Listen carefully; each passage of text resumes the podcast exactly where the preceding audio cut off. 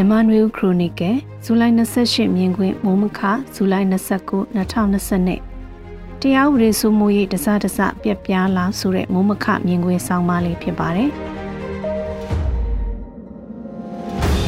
တရားဥပဒေစိုးမိုးရေးမရှိတာကြာပါပြီလို့ဆိုကောင်းဆိုနိုင်ပါတယ်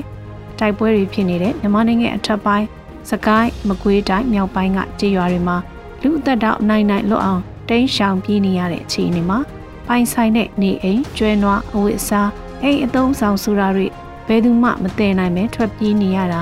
အစင်မသိလို့အဖိုင်းခံရပြီးဆွဆွဲအသက်ဖြတ်ခံရတဲ့အဖြစ်အပျက်တွေ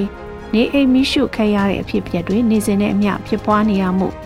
အဲ့ဒီဒေသကသူတွေဖို့တော့တရားဥပဒေစိုးမိုးရေးဆိုတာမရှိတာလားနဲ့နှစ်နဲ့ရှိပြီလို့ဆိုကြရမှာပါအဲ့ဒီဒေသအတွက်တရားဥပဒေစိုးမိုးရေးရှိနိုင်ဖို့ရမှာ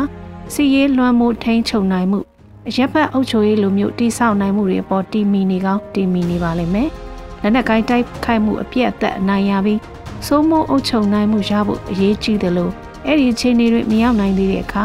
ပြပခဒေတာမှနေထိုင်သူတွေဖို့တရားဥပဒေစိုးမိုးမှုကိုရရှိခံစားနိုင်ဖို့မလွယ်ကူတဲ့အခြေအနေဖြစ်ပါတယ်။လက်နက်ကိုင်းဖွဲ့အစည်းတွေအနေနဲ့တရားဥပဒေစိုးမိုးရေးထက်နယ်မြေစိုးမိုးရေးအနိုင်ရရေးကို ဦးစားပေးလှုပ်ဆောင်နေကြရမှာဖြစ်လို့လွယ်လွယ်နဲ့တရားဥပဒေစိုးမိုးရေးဖော်ဆောင်မှုခက်ခဲနေပါလိမ့်မယ်။သူတို့အတွက်တရားဥပဒေစိုးမိုးဖို့မလုပ်ပေးနိုင်ရင်မှာပဲကျန်တဲ့မြို့ငယ်တွေမြို့ကြီးတွေမှာလည်းတရားဥပဒေစိုးမိုးမှုကတဖြည်းဖြည်းနဲ့ထပ်ပြည့်ရင်းလာနေတာဖြစ်ပါတယ်။ရန်ကုန်၊မန္တလေး၊တောင်ကြီး၊မုံရွာစတဲ့မြို့တွေမှာလူရဲမှုတွေတပြားတိုက်မှုတွေပစ္စည်းယူဖို့အတွက်လူသက်ဖြတ်တာတွေနေ့စဉ်ညစဉ်လိုလိုဖြစ်ပွားနေတာဖြစ်ပါတယ်။ညမထွက်ရအမိန့်ထုတ်ထားတဲ့အချိန်မရောက်ခင်မှာကိုပဲ အလုတ်ကနေအိမ်ပြန်သူသို့မဟုတ်မိတ်ဆွေအပေါင်းအသင်းနဲ့အဖေရေးဆိုင်ဘီယာဆိုင်ကနေပြန်တဲ့လမ်းမှာစိုက်ကယ်လူယူဖို့ရဖုန်းလူယူဖို့ရအတွက်အုပ်စုနဲ့ဝိုင်းပြီးထိုးခုတ်တက်ဖြတ်တာတွေဖြစ်ပွားနေတာနေ့စဉ်နဲ့အမျှဖြစ်နေပါတယ်။ဗန်လိုမျိုးငွေလွှဲလုပ်ငန်းရွှေဆိုင်စတဲ့တနေရာတဲ့တမူကြီးပစ္စည်းများများဆဆရနိုင်တဲ့နေရာတွေကိုလည်း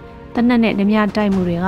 သတင်းဘတ်တိုက်တနေရာမဟုတ်တနေရာမှာဖြစ်ပွားနေတာပါ။သတင်းတပုတ်ထဲမှာတောင်ကြီးမြို့မှာ 24နာရီအတွင်းလူရဲမှု9ကြိမ်ဖြစ်ပွားခဲ့တယ်လို့ဖော်ပြထားပါတယ်။ရန်ကုန်လိုင်းသားရမြို့နယ်မှာလို့ငွေကြေးမဟုတ်ပဲပဇွန်တို့တွေတဲလာတဲ့ကာမီပွိုင်မှာရထားစင်လိုမျိုးအချိန်မှတော့ပဇွန်မုံတွေကိုဝင်လို့တဲ့အဖြစ်အပျက်တွေရှိနေခဲ့တာဖြစ်ပါတယ်။အကြခင်သတင်းဘက်ကဖုန်းကိုလူယူချင်တာကြောင့်ကားနဲ့ကုန်ပစ္စည်းဖြစ်တင်းတဲ့သူကိုတပ်ပြီးဖုန်းနဲ့ပိုက်ဆံယူဆောင်သွားတဲ့ဖြစ်ရဖြစ်ခဲ့ပါတယ်။ဒဂုံမြို့တရဲ့လမ်းမကြီးတွေနှစ်ပေမှာညဘက်ကားခဏရက်ပြီးအပေါ်ပါသွားတဲ့သူကိုဓာတ်နဲ့ထိုးပစ္စည်းလူယူတာ ခုခံရင်တက်ဖြတ်တဲ့အထိလှုပ်ဆောင်ကြတာဖြစ်ပါတယ်။ပုံမှန်ချင်းနေမျိုးလိုညဘက်ရဲကင်းလှည့်တာမျိုးတွေမရှိတော့တဲ့အချက်ကိုလူရဲသူတွေကခွင်ကောင်းယူကြတာဖြစ်ပါတယ်။ရဲတွေအနေနဲ့နေကင်းလိုမျိုးအချိန်မှတော့လမ်းကြောင်းတွေရွေးပြီးသွားလာလှုပ်ရှားနေကြတာဖြစ်လို့ညလိုအချိန်ကမှရင်းလိုကင်းလှည့်တာမျိုးတွေတစုံတရာဖြစ်ရင်ချက်ချင်းလာရောက်အကူအညီပေးမှလည်းမဟုတ်တော့တဲ့အနေအထားဖြစ်တဲ့အပြင်မြို့နယ်လူထုကလည်းအကူအညီမတောင်းခံလိုကြတော့တဲ့အခြေအနေဖြစ်ပါတယ်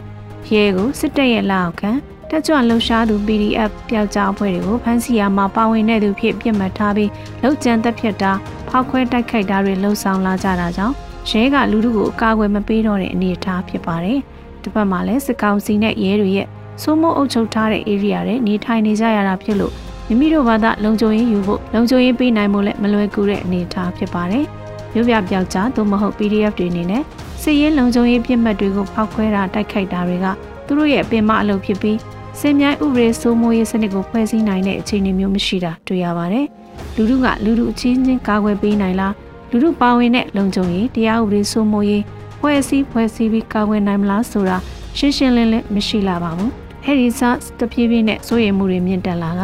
လုံခြုံရေးအားနည်းလွန်းတာကြောင့်အလောက်ကိုင်းခွင့်လန်းတွေဝင်ငွေရနိုင်တဲ့နီလန်းတွေလျော့နေလာပြီးတပန်ရာဇဝတ်မှုတွေကိုပိုများလာဖို့တွန်းအားဖြစ်စေမှာဖြစ်ပါတယ်။ ငက်ပြက်လို့ဓမြတိုက်တာမဟုတ်ဘူးဆိုနိုင်ပေမဲ့ငက်ပြက်ချင်းကလူရမှုတွေပိုဖြစ်လာစေဖို့အကြောင်းတစ်ချက်ဖြစ်နေတာတော့သေချာဖြစ်ပါတယ်။ခုချင်းနေဟာဒုတိယကမ္ဘာစစ်ကာလတုန်းကမြန်မာပြည်မှာကြုံတွေ့ရတဲ့အုပ်ချုပ်ရေးကြီးတစ်ခုလုံးစုပ်သွားတဲ့အခါ